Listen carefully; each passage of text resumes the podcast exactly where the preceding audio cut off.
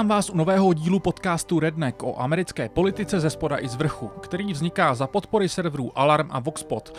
Minulý týden jsem pro vás přichystal speciál o kampani Bernieho Sanderse a teď se vrátíme zase k jinému dění, než jsou letošní prezidentské volby. Tím je pochopitelně především pandémie koronaviru. Dneska se opět podíváme, jak na krizi reagují politici, klíčoví zaměstnanci jako zdravotní sestry nebo nespokojení řadoví američané.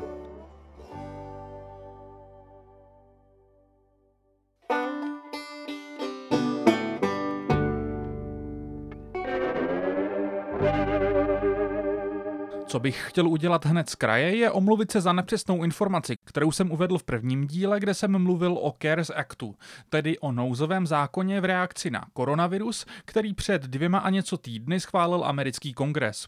Součástí zákona jsou jednorázové šeky přibližně ve výši 1200 dolarů, které má obdržet většina Američanů. Milně jsem uvedl, že šeky nedostanou lidé, kteří nepodali za uplynulé dva kalendářní roky daňové přiznání, kterých je přitom asi 12% ze všech Američanů a patří z většiny k těm nejchudším. Tak to není. K těmto nouzovým financím se dostanou i ti, jen to velká část z nich bude mít byrokraticky složitější a bude jim pravděpodobně trvat déle, než se k penězům dostanou. Ještě jednou se omlouvám za tento omyl. Odezva amerického kongresu na koronavirus, o které jsem už v minulých dílech mluvil a rozhodně ještě mluvit budu, je podle mě z drtivé většiny děsivě špatná a není vůbec potřeba její špatné stránky ještě přehánět. Po dvou dílech, kde jsem mluvil mimo jiné o CARES Actu a označoval ho především za podlézání velkým korporacím, jsem na chvíli znejistil, jestli to s kritikou nouzového zákona nepřeháním. Možná jsem se těm jeho lepším částem věnoval málo. Pojďme jimi dnes tedy začít, ale jak uvidíte, nevydrží mi to moc dlouho. Jedna z věcí, které jsem se věnoval minimálně, bylo 350 miliard dolarů vyhrazených na pomoc menším podnikům. Tu má zpravovat Small Business Administration, SBA, skrze program s názvem Paycheck Protection Program, PPP. Jak už naznačuje název, základním smyslem této podpory je zachování výplat zaměstnanců menších podniků, které jsou postiženy koronavirem, respektive skrze jeho dopady uzavřenou ekonomikou. V jádru programu jsou nízkoúročné půjčky pro menší podniky, ale pozor, při dodržení určitých podmínek nebudou muset být splaceny. Konkrétně například v tom případě, že budou podnikateli využity aspoň ze tří čtvrtin na vyplácení mest. Samotné půjčky vyplácejí banky, ale v podstatě na tom nemohou tratit. Za jejich splacení ručí právě SBA, Mimo jiné právě proto, že je bude vládní agentura při dodržení podmínek platit. Přesto několik miliard dolarů připadne i v rámci tak neriskantního biznisu právě bankám v podobě zprostředkovacích poplatků. Většina odhadů, co jsem viděl, se pohybovala okolo 6 miliard dolarů. Vedle rozšíření podpory v nezaměstnanosti a jednorázových šeků je to nejlepší část CARES Actu, která bezprostředně pomůže řadovým Američanům. I přes bankovní poplatky je ale PPP bohulibý program, který si vysloužil přirovnání například k přístupu dánského státu. Jeho největším problémem je, že balík peněz je příliš malý. Podle nedávného průzkumu National Federation of Independent Business Research Center pocítilo negativní ekonomický dopad koronaviru 92% malých podniků. Není tak divu, že peníze SBA došly už dva týdny po spuštění tohoto programu. To je o to větší problém, že kongres má legislativní přestávku, převážně kvůli tomu, aby zastupitelé nešířili koronavirus, která měla původně končit 20. dubna, minulý týden ale byla prodloužena do 4. května. To neznamená, že kongres nemůže jednat. Když se obě strany procedurálně dohodnou, mohou ve zrychleném řízení schvalovat zákony posledním týdnu proto obě strany jednaly o dalších stovkách miliard, které měly PPP refinancovat. Republikáni navrhovali schválit tento výdaj zrychleně a o dalších částech, jako financích pro nemocniční zařízení a státy, jednat pak dál zvlášť. Podle vedení republikánů by na posílení PPP nemělo být nic kontroverzního. Demokraté to ale zablokovali. Jejich výtky směřovaly především k tomu, jak byly peníze v rámci programu rozdělovány. Nelíbí se jim, jak k němu přistupují banky. Ty se podle všeho zaměřují přednostně na svoje stávající zákazníky a na spoustu podnikatelů se tak nedostalo. Někteří demokraté proto chtěli, aby část dalšího balíku byla určena pro komunitní poskytovatele půjček, což by podle nich mělo s tímto problémem pomoct. Republikáni pochopitelně toto zdržení demokratům vmetají do tváře s tím, že brání pomoci běžným Američanům. Další problém je, že z tohoto programu čerpají i obří podniky. Do zákona, který má zprostředkovávat pomoc firmám z méně než 500 zaměstnanci, byla prolobována absurdní výjimka, v rámci které mohou o finance žádat i podniky velkých řetězců, když jejich jednotlivé pobočky nemají víc než právě 500 zaměstnanců. To jsou samozřejmě de facto všechny restaurace ve Spojených státech. Z programu určeného pro pomoc drobným podnikatelům tak odsávají finance obří korporace s tisícemi zaměstnanců a miliardovými prostředky. Například restaurační řetězec Shake Shack. Tento hamburgerový řetězec po medializaci toho, že z programu vyžádal 10 milionů dolarů, přestože má přes 7,5 tisíce zaměstnanců, finance opět vrátil. Podle tiskové agentury Associated Press obdrželo peníze v rámci PPP téměř 100 velkých firm s hodnotou nad 100 milionů dolarů a tisícemi zaměstnanců, které dohromady získaly alespoň 365 milionů dolarů. Další bez pochyby dobrou částí CARES Actu je rozšíření podpory v nezaměstnanosti. Kongres nabízí 13 týdnů podpory v nezaměstnanosti po vyčerpání kvóty programů jednotlivých států. Většina z nich nabízí podporu na 26 týdnů. Navíc teď federální vláda doplní 600 dolarů týdně navíc nad normální výši podpory. Například ve státě Idaho ale těchto několik stovek nezaměstnaní zatím nedostali. Místní zastupitelé říkají, že jejich systémy nejsou uspůsobeny pro zprocesování tohoto bonusu. Slibují, že by se k lidem mělo těchto 600 dolarů začít dostávat koncem dubna. Tento bonus byl důvodem, proč někteří republikáni chtěli zvýšení podpory v nezaměstnanosti blokovat. Nelíbilo se jim, že někteří nezaměstnaní by tak mohli pobírat víc v podobě podpory, než jaký měli předtím plat. Podle senátora Bena Sessyho tak mohla navýšená podpora způsobit, že lidi budou chtít raději pobírat podporu, než pracovat. Dávku ale pochopitelně nemohou dostat lidé, kteří dají sami výpověď. Tato argumentace také pomíní, že v kolabující ekonomice není příliš taktické se zbavovat existujícího zaměstnaneckého poměru a ucházet se o nové místo za několik měsíců na dost nejistém pracovním trhu. O tom, že velká část Američanů má zdravotní pojištění navázané právě na zaměstnání, jsem mluvil v jednom z předchozích dílů. Už jsem také zmiňoval, že systémy úřadů práce ve většině států kolabují pod náporem nových žadatelů. Není divu, od nástupu krize už o podporu v nezaměstnanosti zažádalo přes 25 milionů Američanů. Mnohým se přitom stále ještě nepodařilo se prokopat přes zahlcené weby a telefonní linky. Nezaměstnaní Američané mají novou práci na plný úvazek. Snaží se žádat o podporu v nezaměstnanosti. Popisuje tento stav titulek na webu CNN. To je jednak pro řadu Američanů po několika týdnech bez práce finančně likvidační, Jednak to znamená, že čísla nezaměstnanosti jsou pravděpodobně ještě stále velmi podhodnocená. Například na Floridě podle CNN pouze 14% z necelých 700 tisíc lidí, kterým se podařilo podat žádost o podporu v nezaměstnanosti od půlky března, momentálně opravdu dostávají dávky. Ostatní teprve čekají na vyřízení svých žádostí. Kromě podpory v nezaměstnanosti mají Američanům pomoci také zmíněné šeky na 12 dolarů. Ty ale také nejsou bez problému. Podle agentury Associated Press se k těmto penězům mnozí dostanou až v srpnu. Vyplývá to z interní zprávy daňového úřadu IRS, ke kterému se AP dostala. I ve chvíli, kdy budou připsány peníze na účet, ale nemají američané vyhráno. Banky je totiž mohou strhnout zadluženým jedincům jakožto splátku dluhu. Dávka je totiž kategorizována jako daňová úleva, na které se nevztahují právní ochrany proti zabavení. Několik senátorů, jak republikánských, tak demokratických, neúspěšně volalo potom, aby byly tyto peníze zařazeny jako federální dávka, což by tomuto zabavení zabránilo. Na tento problém poprvé výrazně upozornil šéf-redaktor webu The American Prospect, novinář David Diane, který v posledních týdnech skvěle pokrývá problémy vyplývající ze spatlané reakce amerického kongresu. Dalším takovým problémem, o kterém Diane psal, je komise kongresu, která má dohlížet na vyplácení financí v rámci CARES Actu. Za demokraty do ní chtěla zasednout kalifornská demokratka Katie Porter. Dávalo by to smysl, jelikož zasedá v komisích pro dohled a finanční služby. Místo toho ale pozice připadla floridské Doně Šalala, která má s finanční politikou takřka nulové zkušenosti. Podle Diana za dosazením jde hledat blízký vztah floridské kongresmenky a předsedkyně demokratů v dolní sněmovně Nancy Pelosi. Jmenování Porter na tuto pozici by posílilo její snahu o znovu zvolení v okrsku, ve kterém porazila úřadujícího republikána. To je přesně uvažování, kterým se Pelosi normálně zaštiťuje. Kritizoval jmenování Dony Shalala na Twitteru Ryan Grimm z Interceptu. Tím ale nic nekončí. Podle American Prospect navíc Shalala vlastní akcie celé řady firm, které budou velmi pravděpodobně těžit z federálních peněz v rámci CARES Actu, například vlastní akcie Boeingu. Deníku Miami Herald posléze Šalala řekla, že zmiňované akcie prodala a zároveň začala řešit založení Blind Trustu, tedy slepého svěřeneckého fondu. O jehož chod se stará nezávislý správce a Šalala by do něj neměla zasahovat a vědět o transakcích. Je trochu podivné, že by jeho založení trvalo tak dlouho. Co se týče tvrzení o prodeji akcí, jestli tomu tak skutečně je a Šalala je prodala, tak ale pravděpodobně porušila federální zákony, když jejich prodej nenahlásila, což po kongresmenech americké zákony vyžadují. Toto opatření má pochopitelně pomáhat bránit proti nepřiznanému střetu zájmů. Tato komise je přitom jediným drobným ústupkem, kontrolním mechanismem v rámci CARES Actu, která nijak nepodléhá výkony moci, tedy Trumpovi. Už z jejího obsazení je ale jasné, že bude zcela bezzubá.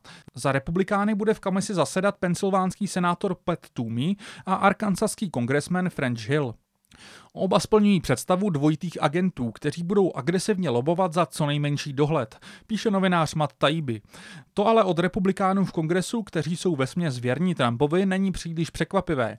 Na rozdíl od demokratů, kteří se tváří jako bůh jaký odboj proti současnému prezidentovi, ale přitom evidentně nejsou schopni fungovat ani jako efektivní opoziční kontrola. V úterý 21. dubna pak Senát schválil téměř 500 miliard nových financí, především na účely PPP. Dolní sněmovna by je měla schválit ve čtvrtek. Demokraté tak celých 12 dní handlovali o tom, jak přesně tento nový balík bude vypadat. Téměř nic ze svých požadavků však nezískali. Šéf demokratů v Senátu Chuck Schumer teď tvrdí, že vše přijde v dalším, už čtvrtém koronavirovém balíku, který kongres projedná, jakmile se zastupitelé vrátí do Washingtonu. Nicméně šéf senátních republikánů Mitch McConnell už teď začíná mluvit o tom, že je potřeba začít soustředit se na to, aby nebyl příliš navýšen deficit. Když to vezmeme kolem a kolem, je až neuvěřitelné, jak z toho vedení demokratů teď vychází. Nejen, že nic zásadního neprosadili a naprosto selhávají v kontrole Trumpovy administrativy. Navíc to udělali takovým způsobem, že je teď republikáni pranířují za zdržování důležitých financí pro podporu menších podniků.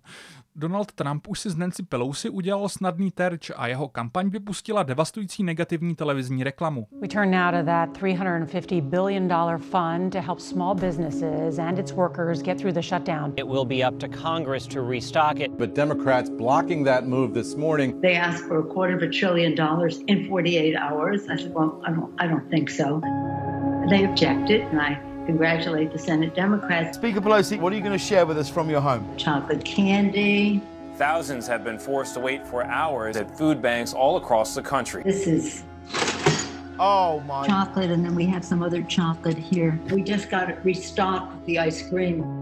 Trumpova kampaň tu staví kontrast mezi pozdrženými financemi, videem, kdy Pelosi ukazovala svoji pro karanténu připravenou luxusní ledničku, u které Trumpova reklama nezapomene uvést, že stála 24 tisíc dolarů, naplněnou zmrzlinou a záběry na Američany čekajících ve frontách u potravinových bank. Aby bylo jasno, republikáni jsou naprosto komplicitní v prosazení nouzových balíků, které nedostatečně pomáhají řadovým Američanům, zatímco sypou stovky miliard obřím korporacím. Demokraté je jen přes veškerou rétoriku nedokáží zastavit a dělají to takovým způsobem, že republikánům umožňují odklonit pozornost veřejnosti ke kritice právě jich samotných. Člověku nad tím zůstává rozum stát. Jako oslý můstek a aby tento segment nekončil tak temně, vám pustím úryvek ze skvělého videa od komika Vika Dibiteta. You know what me off? Having to tell the government what to do because they have their heads in their asses. Now follow me. There's something that's been bothering me, so I'm just going to say it now. Dear government, We understand that the virus is not your fault. It happened. It is what it is. I'm not going to get into that idea that maybe you could have acted sooner. We can deal with that when this is all over. But here's the deal. We need a real fucking plan. It was the right move to make everyone stay home because that's the only way to deal with a virus like this. But here's where I have a problem. So, you told us to shut down non essential businesses. You told us to go home and quarantine. You told us we have to keep social distance and stay inside. But you told us you would help. So where is the fucking help? These checks are what they are. I mean, let's be serious. I'm not going to turn away 1200 bucks because number one, if you're going to give it to me, I'm taking it. And number two, it's our fucking money, not yours. It's ours. We paid that in taxes for everything we do every fucking day. So okay. Pokud jste všechno nepochytili, tak Viktu v autě nadává americkým politikům za nesmyslné a nedostatečné řešení ekonomické krize způsobené koronavirem. Donutili jste nás zavřít neklíčové podniky. To je správně, ale kde je váš plán, huláká tu. Dále vypichuje nedostatečnost šeků od vlády a nesmyslnost tříměsíčního odkladu splátek hypoték s tím, že se splátky jen navrší. Najděte si celé video. Vy kdyby to se píše VIC D I B I T E T T O. A video se jmenuje A Message to the Government. Najdete ho na YouTube.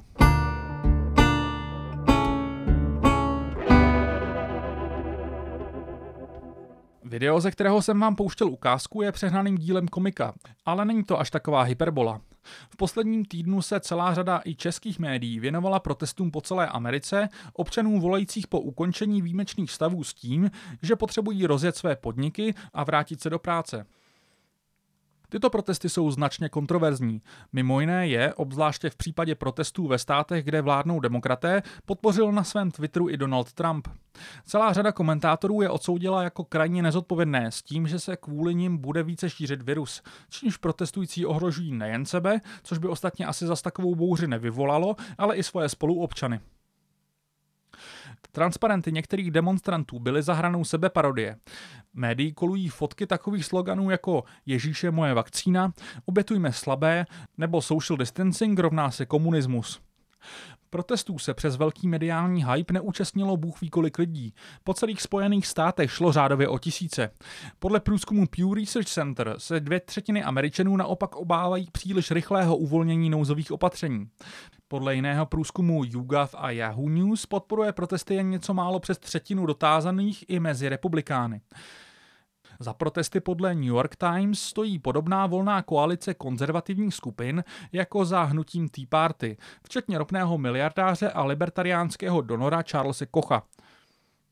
Na druhou stranu mám pocit, že se spousta komentátorů tyto protesty snaží příliš snadno smést ze stolu jako zorchestrovaný nesmysl. Aby bylo jasno, mně samotnému přijdou protesty jako nezodpovědné. Slogany spousty demonstrantů jsou nesmyslné až nebezpečné. A o tom, že se některé konzervativní a libertariánské skupiny snaží uměle rozdmíchat tyto plameny, nepochybuji. Zároveň ale nejde popřít, že je tu reálný základ pro rozhořčení protestujících. Byť svůj hněv třeba nesměřují na nejlepší místa. Tím základem je nedostatečná podpora ze strany vlády a zákonodárců pro lidi, kteří se najednou ocitli bez výdělku. Jak zněl nápis transparentu jednoho z protestujících v Marylandu, kterému média už nevěnovala takovou pozornost jako těm absurdním. Chci zachránit svůj podnik, potřebuju pracovat, abych přežil.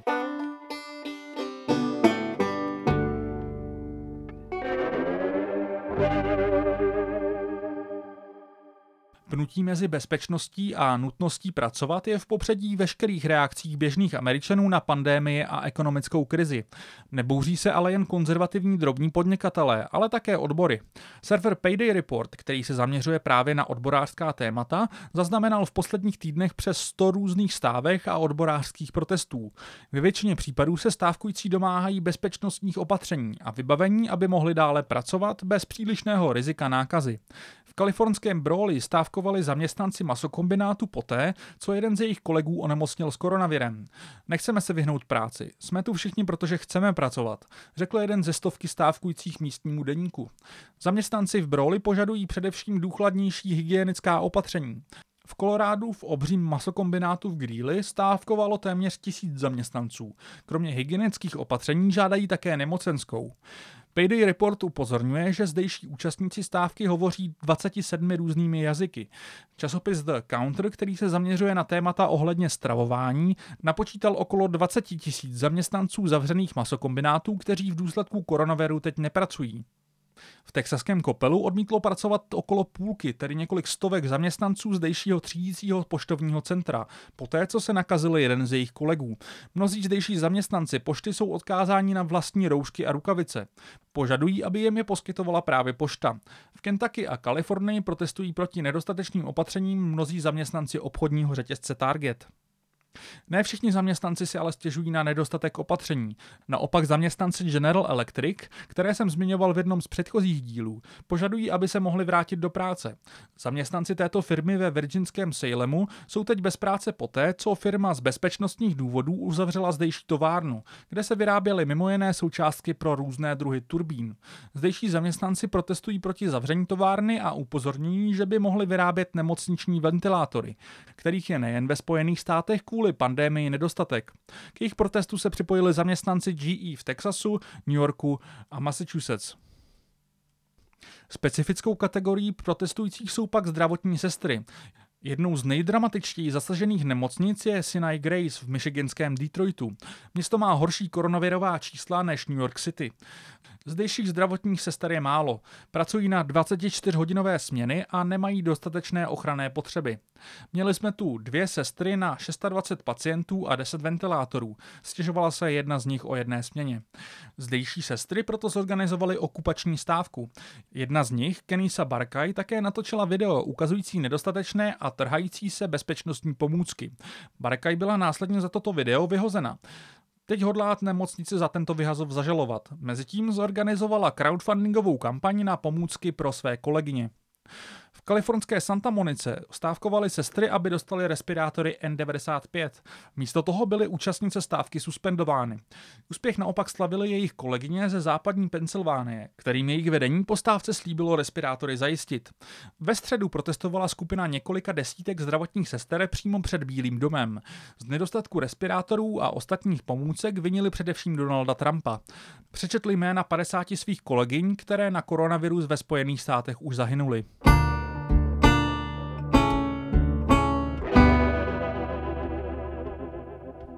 V minulých dílech jsem mluvil i o nespokojených zaměstnancích Amazonem vlastněného potravinového řetězce Whole Foods. Podle informací serveru Business Insider firma monitoruje hrozící odborářskou aktivitu pomocí nástroje, kterému dle interních dokumentů říkají heatmap, tedy doslova tepelná mapa. Mapa na sobě má jednotlivé pobočky obchodů, kterých je v Americe 510 a operuje s daty, jako je neznámo jak měřená lojalita zaměstnanců, obrat, rasová diverzita, telefonáty hlásící odborářskou činnost na oddělení lidských zdrojů, blízkost konkrétního obchodu k odborářské kanceláři, nezaměstnanost v okolí pobočky a taktéž procentů rodin žijících pod hranicí chudoby v okolí pobočky. Agresivní protiodborářská činnost není pro firmy vlastněné Jeffem Bezosem nic nového. Zmiňoval jsem tu také Krise Smolse, zaměstnance skladiště Amazonu na New Yorkském Staten Islandu, který byl vyhozen dle svého za kritiku nedostatečných protikoronavirových opatření, podle Amazonu za porušení karantény, který mu firma měla nakázat. Podle informací webu Vice News dokonce proběhla schůzka vedení Amazonu za účasti i přímo Jeffa Bezose, kde byly probírány taktiky, jak Small se zdiskreditovat.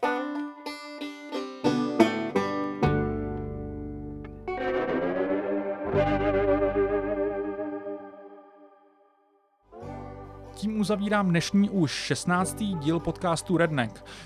Minulý Sandersovský speciál nepočítám, to byl jen takový bonus. Jako vždy bych vás chtěl na závěr vyzvat, jednak abyste mi psali feedback, což můžete udělat buď to na facebookové stránce podcastu, kterou najdete pod zkratkou rdnck, nebo na mailu schneider.a2.cz. Ještě jednou bych také chtěl zdůraznit, že tento podcast vzniká za podpory Alarmu a Voxpotu. Bylo by skvělé, kdybyste chod těchto médií mohli finančně podpořit. Bez vaší pomoci by ani jedno z těchto médií nefungovalo a tudíž by neexistoval ani podcast Redneck. Formuláře, jak je podpořit přes darujme.cz, najdete na webech advalarn.cz a voxpot.cz. K odběru tohoto podcastu se můžete přihlásit na Soundcloudu, Apple Podcast, Spotify nebo například Player FM. A teď už se pro dnešek definitivně loučím.